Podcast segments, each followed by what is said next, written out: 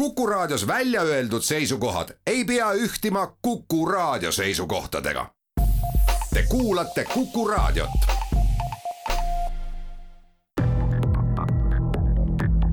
krimiraadio, Krimiraadio jah, tõesti, eetris on järjekordne Krimiraadio ning saatejuht Raul Ranne. tänases saates räägime rasketest isikuvastastest kuritegudest, mõrvadest ja tapmistest. Nende kuritegude uurimist ja avastamist puudutavatele küsimustele oleme Krimiraadiosse kutsunud põhjalikumalt vastama Põhja prefektuuri kriminaalbüroo isikuvastaste kurit-, kuritegude talituse juhi Isko Varese, tere tulemast Krimiraadiosse! tere! räägime enne seda, kui või rääkigem kõigepealt numbritest siis. niisiis värskelt ava, avaldatud statistika kohaselt oli mullu tapmisi ja mõrvu, mõrva ja tapmiskatseid sama palju kui kahe tuhande kahekümne esimesel aastal ehk kokku kakskümmend seitse ning seejärel, seeläbi hukkus kaheksateist inimest, mis on väiksem arv pärast Eesti taasiseseisvumist, aga enne kui me numbrite taha vaatame, ma lahkel loal, teie lahkel loal täpsustaksin termineid. et mis on tapmine ja mis on mõrv? ma kujutan ette, et päris paljudes raadiokuulajates tekitab see segadust. Jah, et äh, tegelikult tavainimese jaoks ma arvan, siin suurt vahet olema ei peakski. aga, aga juristid siis äh, jah, äh, teavad seal nii-öelda erinevaid, et nad on eri, juristide keeles on need erinevad asjad, et mõrv tavainimese mõistes võiks siis olla selline mm, teema, kus siis Äh, inimesele tungitakse kallale, ta tapetakse eriti piinaval viisil või siis, äh, või siis ka röövitakse raha. tapmine pigem on selline mm, noh, lihtsalt, lihtsalt tapmine, et, et, et seal ei, ei ole niisugust äh, räiget Äh, peksmist ja, ja muud tausta taga, aga tegelikult äh, noh, kui veel väga ju, juriidikasse minna, siis on veel äh, seal kolmas äh, teema juures ehk siis see on äh, paragrahv Karsi järgi sada kaheksateist ehk siis äh, raske äh, kehavigastuse tekitamine, mille tagajärjel saabub surm. ehk siis seal äh, tavaliselt on see, kus üks osapool äh, tungib teisele kallale, ta tegelikult eesmärk ei ole tappa aga, aga jah, selle rünnaku tagajärjel saabub inimese surm. ja, ja kui veel väga detaili minna, siis äh, on olemas ka veel mm, selline äh, paragrahv, äh, kus siis äh, tegelikult äh,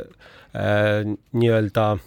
inimene, noh näiteks meie tavainimestena teame seda kui õnnetust ehk siis äh, õnnetuse tagajärjel saabub äh, kellegi surm, aga, aga tegelikult jah, paragrahvi mõistes äh, sada üheksateist täitsa ka olemas selline, kus siis tahtmatult põhjustatakse kellegi surm. vaatame nende numbrite taha, kõigepealt ma just enne saadet lugesin kahekümne viie aasta tagust uudist, mis oli pealkirjastatud selliselt tapmiste kõrgaeg Eestis on möödas ja kujutage nüüd ette, see kõigest või, see kõrgaeg, mööda läinud kõrgaeg tähendas seda, et eh, siis tuhande üheksasaja üheksakümne seitsmenda aastal fikseeriti kokku kõigest kakssada nelikümmend seitse tapmist ja tapmiskatset. mis, kui nüüd tõsi, eh, mis oli muidugi saja võrra või isegi rohkem eh, vähem kui aasta varem, aga siiski, kas te kujutate ette seda aega? Kui aastas oli kakssada nelikümmend seitse tapmist või tapmiskatset?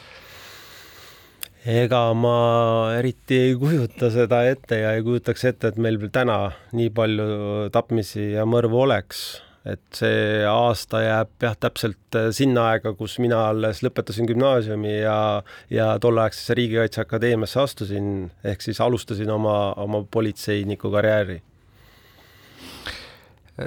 noh, praegune pilt on muidugi võrreldamatult äh, rahulikum. iseenesest muidugi on iga mõrv ja tapmine suur tragöödia, aga see värske statistika, mida ta teile veel ütleb? see number, kakskümmend seitse juhtumit ja kaheksateist siis hukkunut või surma saanut no kui jälle minna ajalukku tagasi, et, et siin võib-olla peakski noh, natukene mõtlema, et, et, et kust me tuleme, ehk siis seal üheksakümnendatel aastatel, kus siin jah, üle pea kolmsada tapmist äh, oli, et, et, et me peamegi äh, aru saama, et see oli niisugune nagu osad äh, mm, inimesed on öelnud, et niisugune džungliseadused kehtisid äh,, olid grupeeringud, kes äh, võitlesid äh, turu eest siin Eesti maa peal. Mm.. E, hästi palju grupeeringu liikmeid jäi kadunuks, et tegelikult ma julgen öelda, et see kakssada, mis iganes see number oli, et tegelikkuses neid tapmisi oli palju-palju rohkem. Et, et lihtsalt paljud inimesed jäid tollel ajal kadunuks ja, ja tulevad alles täna ja võib-olla ka veel tulevikus välja. aga, aga jah, et eks, eks politsei tegi oma tööd, arenes mingi, mingi aja pärast seal kahe tuhandete keskel jõudsime olukorda, kus mm, grupeeringute sõda ei andnud enam äh, sellist tooni, pigem äh, hakkasid äh, olema või, või see suund läks sinna, et enamus tapmised pandi toime kodus, sõprade vahel, elukaaslaste vahel. Ja, ja tänaseks oleme siis jõudnud olukorda, kus enamus tapmisi pannakse juba toime isegi ei saa öelda enam, et kodus, vaid pigem juba annab tooni mm, see vaimne teema, et eh, need endised kurjategijad, kes siin kakskümmend aastat tagasi äh, hakkasid toimetama, täna nad jõudnud ikka, kus siis nende võib-olla siis haju on väsinud ja, ja, ja, ja, ja siis nende vaimne tervis ei ole enam korras, kindlasti sinna on kaasa aidanud ka narkootikumide tarvitamine. mm ja, ja, ja täna siis jah, oleme jõudnud olukorda, kus nemad annavad tooni pigem. vaimsest tervisest, äh, alkoholist ja narkootikumidest räägime pisut hiljem, ma küsin statistika taustal veel seda, kui suur on tänapäeval äh, nii raskete kuritegude avastamise protsent, et äh, nagu te ütlesite varem, võis vabalt olla, et väga paljud asjad jäidki kuhugi nii-öelda pimedaks, et ei leitud ei surnukeha vaid teadmine, jäi teadmine, et inimene on kadunud ja võib-olla on siiani mõni kadunud, aga aga tänasel päeval on see protsent kuidagi või on see protsendiga kuidagi väljendatav, et? ja protsendina see on tegelikult väga äh, hästi väljendatav ja, ja täna praegu võib-olla ongi see hetk, kus me saame uhkust selle üle tunda, et, et Eestis äh, erinevalt võib-olla mõnest meie naaberriigist, näiteks Rootsi, on ju, et, et oleme me ikkagi seal täitsa saja protsendi lähedal, et äh, tapmiste puhul ongi sada protsenti meie avastamine, aga, aga siis võib-olla see raskete tervisekahjustuste tekitamine, et seal, seal see jääb üle, üle üheksakümne natukene aga jah, me võime uhkust tunda selle üle, et, et oleme seal väga-väga hea taseme saavutanud. ma ei tea, kui, kuivõrd te olete kursis, et kas see nii, nii nende raskete isikuvastaste kuritegude või juhtumite arv kui ka avastamisprotsent, et kuivõrd see on võrreldav näiteks Läti, Leedu, siin Soomega, noh, lähimate meie riikidega, kes ma, kuidas me seal paistame, no ütleme nende kõrval välja? ma kahjuks ei oska seda öelda, et tean, tean seda, et Äh, Rootsis on see protsent äh, väga madal ja, ja seal on just see grupeeringute vaheline sõda, mis, äh, mis selle madalaks teeb, kuna, kuna tehakse teema, minnakse kiirelt pakku, teemad on ette valmistatud ja, ja neid on lihtsalt väga palju keerulisem avastada. et me ise tegelikult järjest ka teeme tööd selle nimel, et, et grupeeringud ei muutuks tugevaks. me üritame võimalikult vara sekkuda nendesse grupeeringute omavahelistesse võitlustesse, et see on meie üks, üks peamisi eesmärke, lõhkuda need äh, nii-öelda ilmingud juba väga-väga vara ära, et kui siin ilmselt teadjamad kuulajad mäletavad, et eelmise aasta alg-, eelmine aasta algas meil siin suure kaklusega Männikul, et see kõik äh, meediaväljaanded olid seda teemat täis, et et äh, seal olid ju suured kaklused ja, ja, ja, ja täna me võime öelda, et see menetlus on meil lõpusirgel. et sekkusime sinna väga jõuliselt, et ja, ja ma võin noh, öelda, et, et seal oli kas ligi kuuskümmend inimest, keda me, kellega me vestlesime, üle kolmekümne ülekuulamise tehti, üksteist kahtlustatavat, kuus kannatanut, et see sekkumine oli väga jõuline sinna ja, ja need inimesed said kindlasti äh, selge signaali, et Eestis ei ole mõtet äh, jamada. ma õieti mäletan, seal õnneks keegi ju surma ei saanud õnneks ei saanud surma ja õnneks äh, ka rasked kehavigastused jäid mm tulemata, olemata. Ja aga noh, seda enam, et, et tegelikult noh, ütleme ta oli avalikkuses suure kõlapinna all. Äh, iseenesest paragrahv ei olnud raske, aga, aga see ongi see põhimõtteline lähenemine, et kui sellised noh, inimesed ja taust, kes seal osalesid nendel, sellel kaklusel, oli tegelikult meie jaoks oluline. noh, nad mingi, mingil määral sinna grupeeringute algtaseme seltskonda kuuluvad või vähemalt tahavad äh, midagi tekitada siin Eestis ja, ja selle tõttu me otsustasime sekkuda sinna väga resoluutselt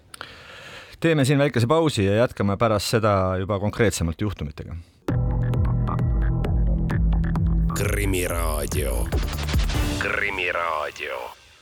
krimiraadio jätkab Põhja Prefektuuri kriminaalbüroo isikuvastaste kuritegude talituse juht Isko Vares. me peame ju rääkima sellestki, et tänavuse aasta alguses jäi ränk juhtum, kus Lasnamäelt leiti viiekümne nelja aastase naise vägivallatunnustega surnukeha politsei tunnustuseks tuleb muidugi öelda, et eh, kahtlustatav, selleks oli siis kahekümne kaheksa aastane mees, tabati üsna kiiresti ja võeti vahi alla. kas me tänase päevaga võime öelda midagi rohkemat selle loo, selle juhtumi nii-öelda motiivide kohta? miks ikkagi selline asi juhtuda sai? Ega me väga täpseks veel minna ei saa, kuna menetlus on ikkagi suhteliselt algfaasis ja, ja, ja me veel tegelikult informatsiooni kogume. aga kui nii-öelda noh, kokkuvõtvalt öelda, et kas oleks saanud öö, midagi või seda kuritegu ära hoida, siis noh, ainukene asi, mida mina meie meeskond praegu näeb, on see, et äh, oleks äh, lihtsalt politseile varem teada antud sellest mees, meesterahvast, kes siis äh, meie kannatanut tülitamas käis. et, et noh, see teave, nagu me hiljem kriminaalmenetluse raames oleme teada saanud, oli tegelikult inimestel olemas ja, ja, ja need inimesed meile selle avaldasid ja see oli tegelikult väga suureks abiks isiku kinnipidam-, tuvastamisel ja kinnipidamisel. Aga ma saan aru, et ütleme, niisugused üksikasjad no, äh, üks... on hetkel ikkagi veel noh, menetluse mõttes ei ole võimalik rääkida. ja et üks asi on see, et ei ole võimalik rääkida, aga teine asi on see ka, et kui me midagi räägime, me tahame olla faktipõhised, ehk siis äh, me tahame olla kindlad, kui me midagi välja ütleme, et, et me ei eksi, et pärast on noh, niisugune eksimine võib väga piinliku olukorra tekitada, et pigem juba esialgu räägime vähem Äh, noh, me ju kõik tahame, et see inimene läheb vangi ja pikaks ajaks vangi, on ju, et, et ärme siis praegu kiirusta, teeme oma menetluse korralikult ära ja hiljem võime juba rääkida täpsemalt, mis täpselt juhtus ja kuidas. räägime möödunud aastastest juhtumitest, mille kohta just värske statistika ka ilmus. kas on äh, võimalik kirjeldada sellist keskmist juhtumit äh, möödunud aastast, ma saan aru, et äh, et keskmisti põhimõtteliselt mõrvade ja tapmiste puhul noh, ei sobi öelda, aga siiski, et on seal mingisugune ühine joon, ühine midagi sarnast? kusjuures äh, nii huvitav, kui see ei ole, et nagu ma juba korra enne mainisin ka, et et hakkab tekkima, et just eelmise aasta põhjal noh, võib-olla see tuleneb ka sellest, et äh, varasematel aastatel on seda massi nii palju olnud ja nii teravalt ei ole silma hakanud äh, see vaimne probleem. ehk siis äh, eelmisel aastal noh, meie ise mm, seal oma meeskonnaga oleme vaadanud, et kui me räägime siin Põhja prefektuuris neljateistkümnest tapmisest siis, äh, siis seal seitsmel-kaheksal juhul on ikka väga teravalt tulnud äh, äh, see vaimne probleem ilmsiks ja, ja, ja selle aasta algus tegelikult näitab ka seda, et, et, et läheb edasi meil selle, selle vaimse probleemiga. on teil äkki noh, ütleme see kuidagi võimalik üldises joones kirjeldada mõnda juhtumit, kus noh, kus ilmselgelt sellised tunnused olid? no võin, võin kirjeldada siin, ta küll juhtus äh, äh, nüüd üle-eelmise, üle-eelmine aasta, aga lihtsalt tal on, seal on kohtuotsus olnud, et üks Kalinini nimeline meesterahvas Koplis oli oma sõbraga koos päev enne enda sünnipäeva, mängiti kaarte ja mingil hetkel lihtsalt Kalinin tundis, et nüüd on vaja sõber ära tappa. esialgu ta otsustas või arvas, et ta lükkab äh, sõbra trepist alla koridoris, aga kuna asuti esimesel korrusel, siis, äh, siis äh, ta leidis, et ta ei põhjusta talle piisavalt valu ja, ja ilmselt ka mitte surma. ja siis võttis ta noa ja, ja lõi sõpra kõrri ja, ja, ja arvates, et noh, nähes, et verd palju purskab ja et, et, tappis sõbra ära, läks koju, pakkis asjad ja et annab ennast politseile üle. Või üles. aga, aga ta ei, jah, sõber oli ikkagi nii palju eluvaimu veel sees, et tuli tema juurde ja küsis, et miks sa nii tegid ja, ja, ja verd purskas, purskas Kalinile tema lemmik diivani peale, mis ajas teda veel rohkem marru ja, ja siis ta lõpetas sõbra, sõbra piinad sealsamas koha peal ja helistas siis häirekeskusesse ja palus patrullil kohale tulla ja oli asjadega valmis siis Äh, kinnimajja minema, ehk siis vanglasse. ehk siis, et no,, äh, et see on ilmselgelt muidugi sõge käitumine, aga millest siit järeldub, et ta nüüd päris noh, ütleme, et tal oli psüühilisi probleeme? No see käitumine ise on, et ma, ma just tahtsingi öelda, et äh, see vaimne, noh, meie jaoks see vaimne küsimus äh, ei, ei, ei tulene alati sellest meditsiinilisest mm. küsimusest, et kas inimene on süüdiv või mitte, et antud juhul ka Kalinin on täiesti süüdiv ja ta sai karistuse viisteist aastat ja, ja on vangimajas ja kannab oma karistuse ära.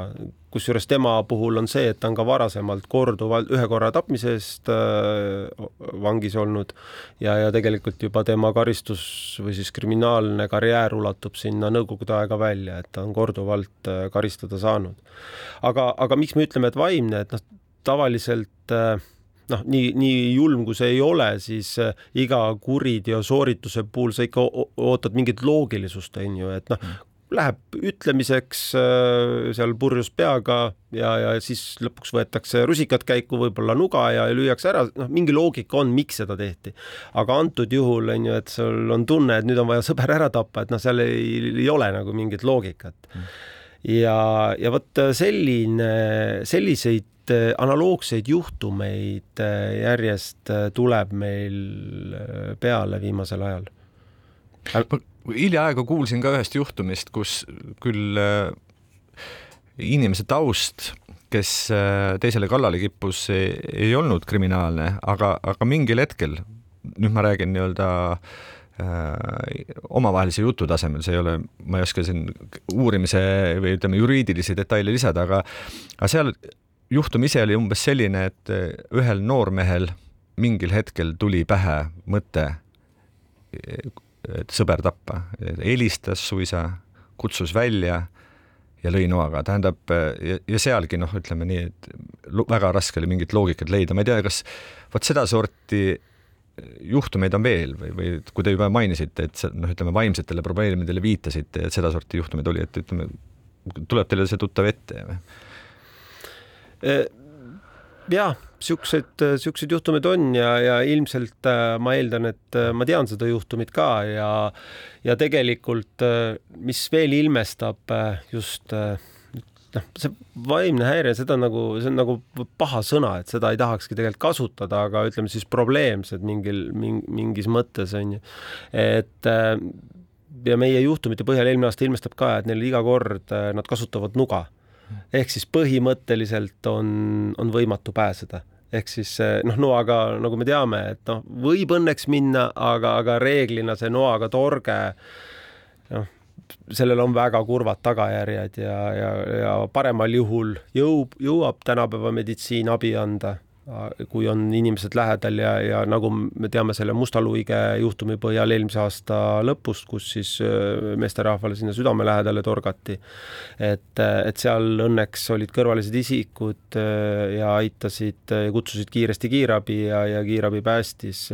meesterahva. aga, aga jah kui, kui sõpru, tuttavaid, teisi inimesi, tunnistajaid kõrval ei ole, et siis võibki see lõppeda väga kurvalt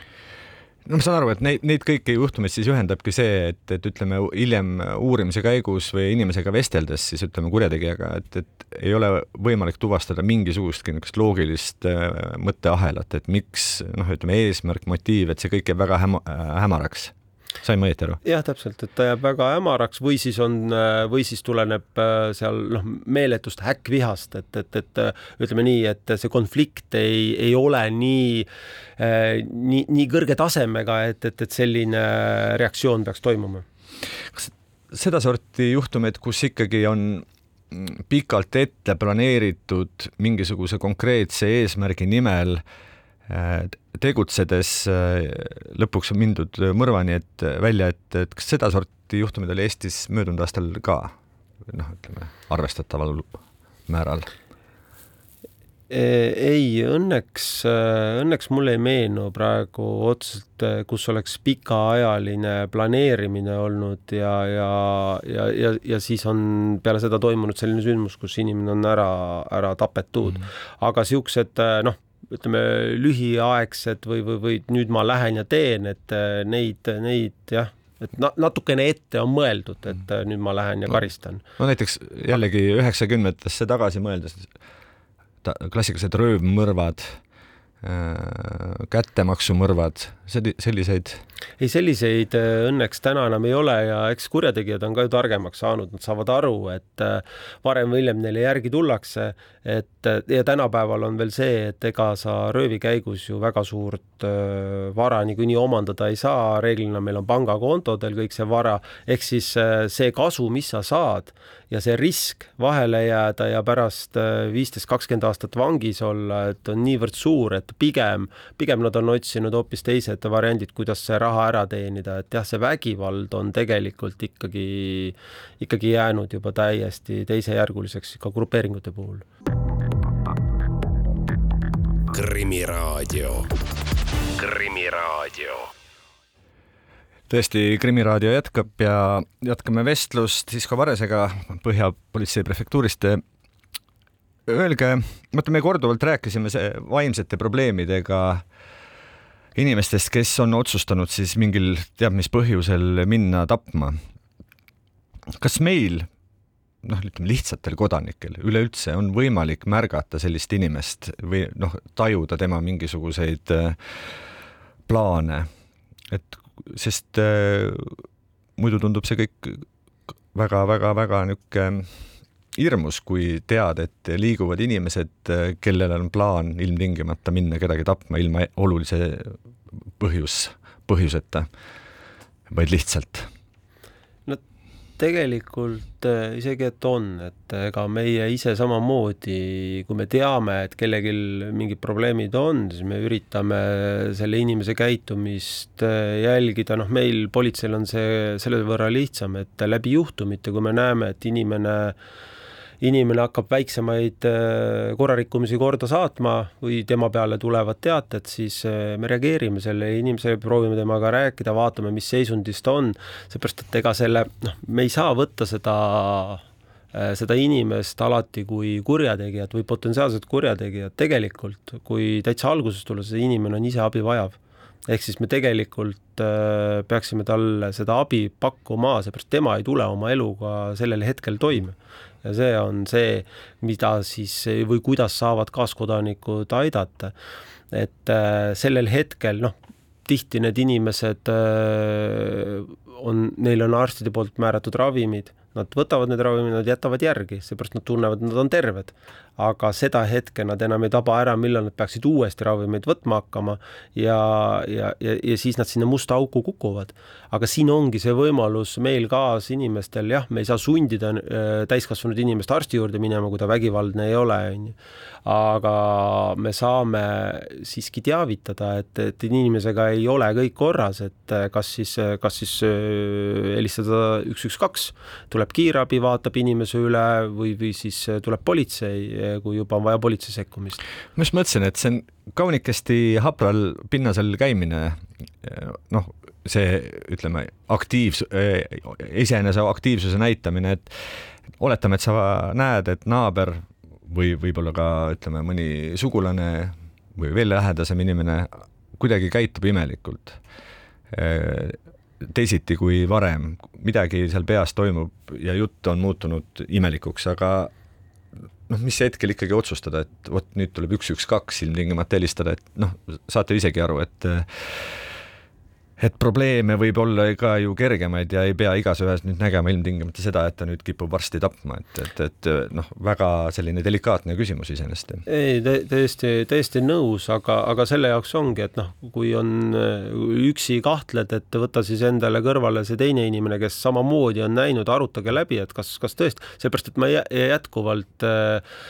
noh jätaks kõrvale selle, et ta on potentsiaalne kurjategija, ennekõike enamus nendest inimestest, see, kes asub niisugusele raskele teele, neid on murdosa võib-olla, aga tegelikult enamus nendest vajavad abi ja tegelikult me ise jätame nad kohati abita, kui me ei kutsu, seepärast nemad ise ei, kiirabi, et nemad ise ei märka seda.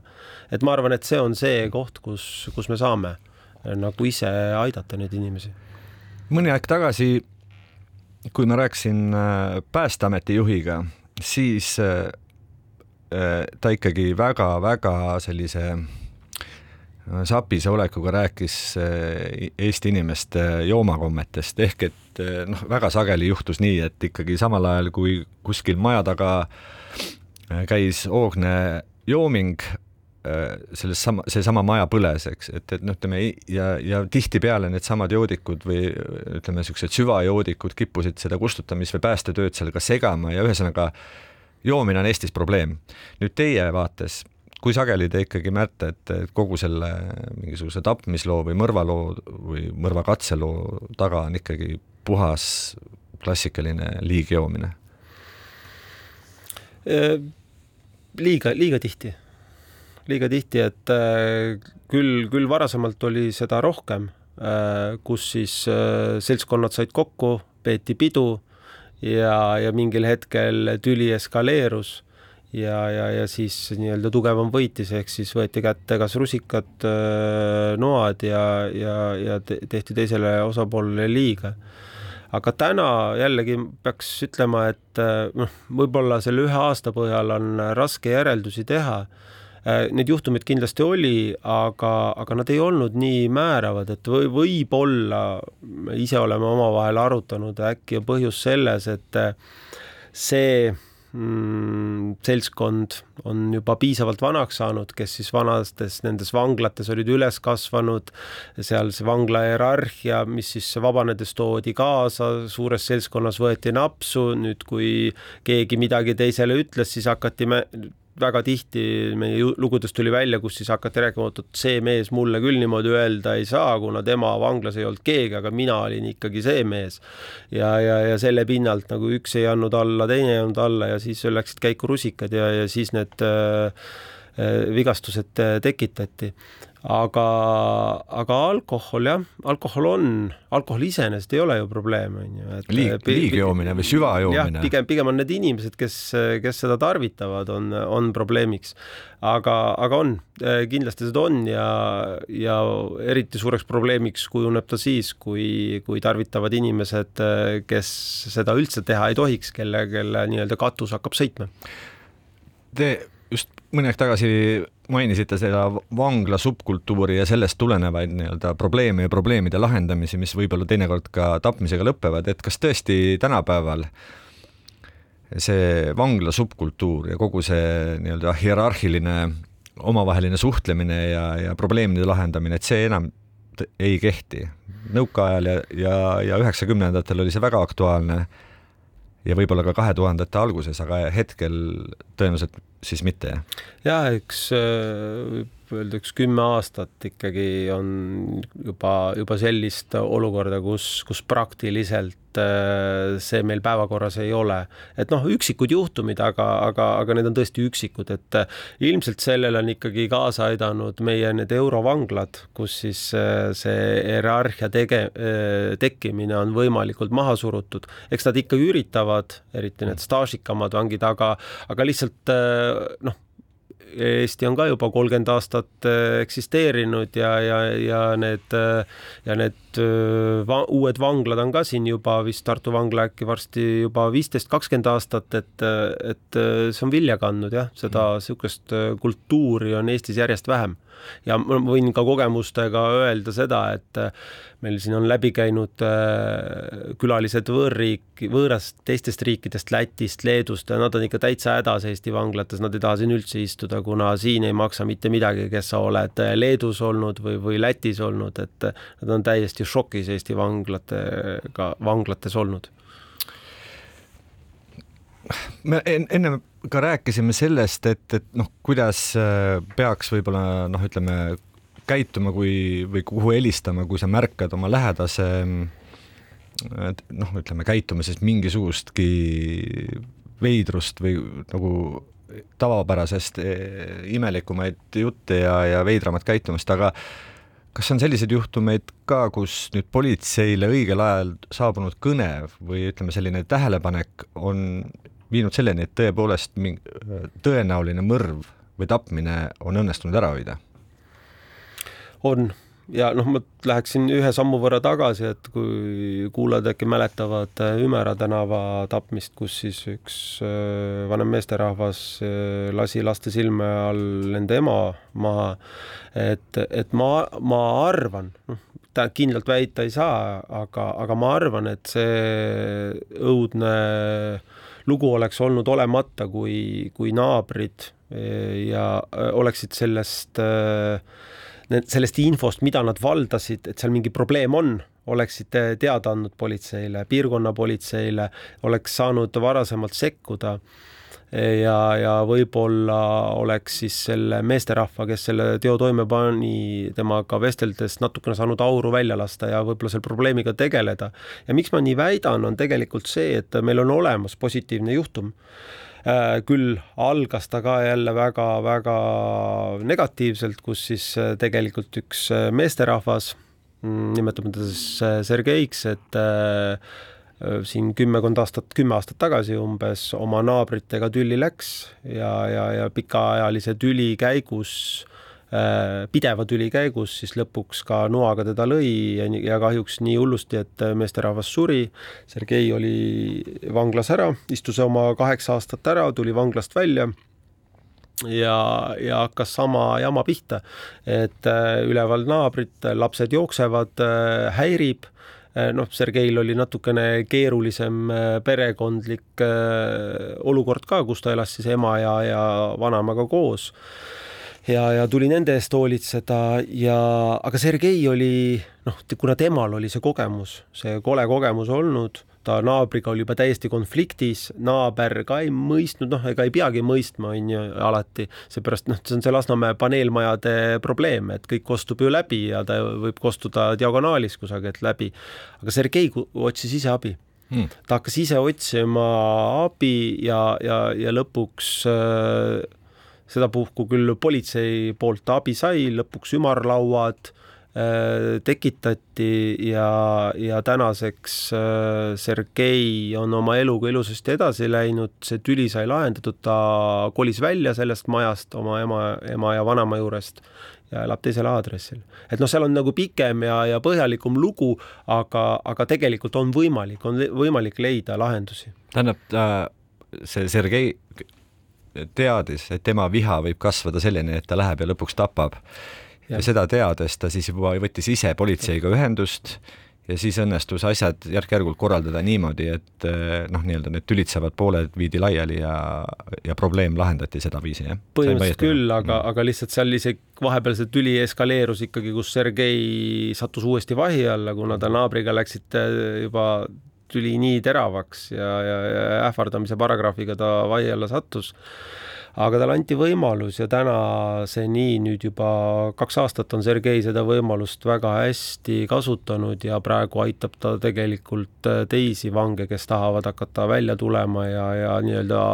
taas ühiskonnastab neid, et, et teeb väga tänuväärset tööd tegelikult. kuigi millegipärast on mul selline tunne, et selliseid Sergeisid liiga palju ei ole, et see on ikkagi üks küll ilus näide, aga tõenäoliselt ka üksikjuhtum. jah, äh, ta on jah, niisuguseid Sergeisid väga palju ei ole, aga, aga tegelikult siin, nagu ma oma jutus ennem ka rääkisin sellest Ümera loost, et kui meil oleksid ka niisugused aktiivsed naabrid, äh, ühistud, et kui see probleem tekib, et kui isegi naaber räägib ma ei tea, teisele naabrile, et see jõuaks, et see info jõuaks ka politseile, seepärast see Ümera tänava juhtumi puhul politseisse seda infot kahjuks ei laekunud. Mm.. ehk siis, et noh, me, me ei saa öelda, et me suudame ära hoida midagi, aga me saame vähemalt proovida ära hoida ja me teeme endast kõik oleneva, et seda ära hoida ja, ja ma olen suhteliselt veendunud, et reeglina eh, kõik need inimesed, kes midagi korda saadavad, nad tahavad auru välja lasta hirmsasti tahavad, et auru välja lasta ja, ja, ja rääkides juba nendega saab väga palju ära hoida. krimiraadio, Krimiraadio. krimiraadio jätkab, Isko Vares, pole saladus, et politsei tegeleb lisaks sellele, et uurib värskeid äh, mõrvajuhtumeid ja kuritegusid, on ta uurimas ka näiteks äh, kolmekümne aasta taguseid juhtumeid, nagu me teame, siin meedias on pikalt juttu olnud Nõmmel juhuslikult leitud äh, naise, noore naise surnukehast. Äh, isik on jätkuvalt tuvastamata, põhjuse motiiv ka teadmata. nüüd FBI eksperdid lõid tolle õnnetu inimese peast võimalikult realistliku 3D kujutise ja politsei on teatanud, et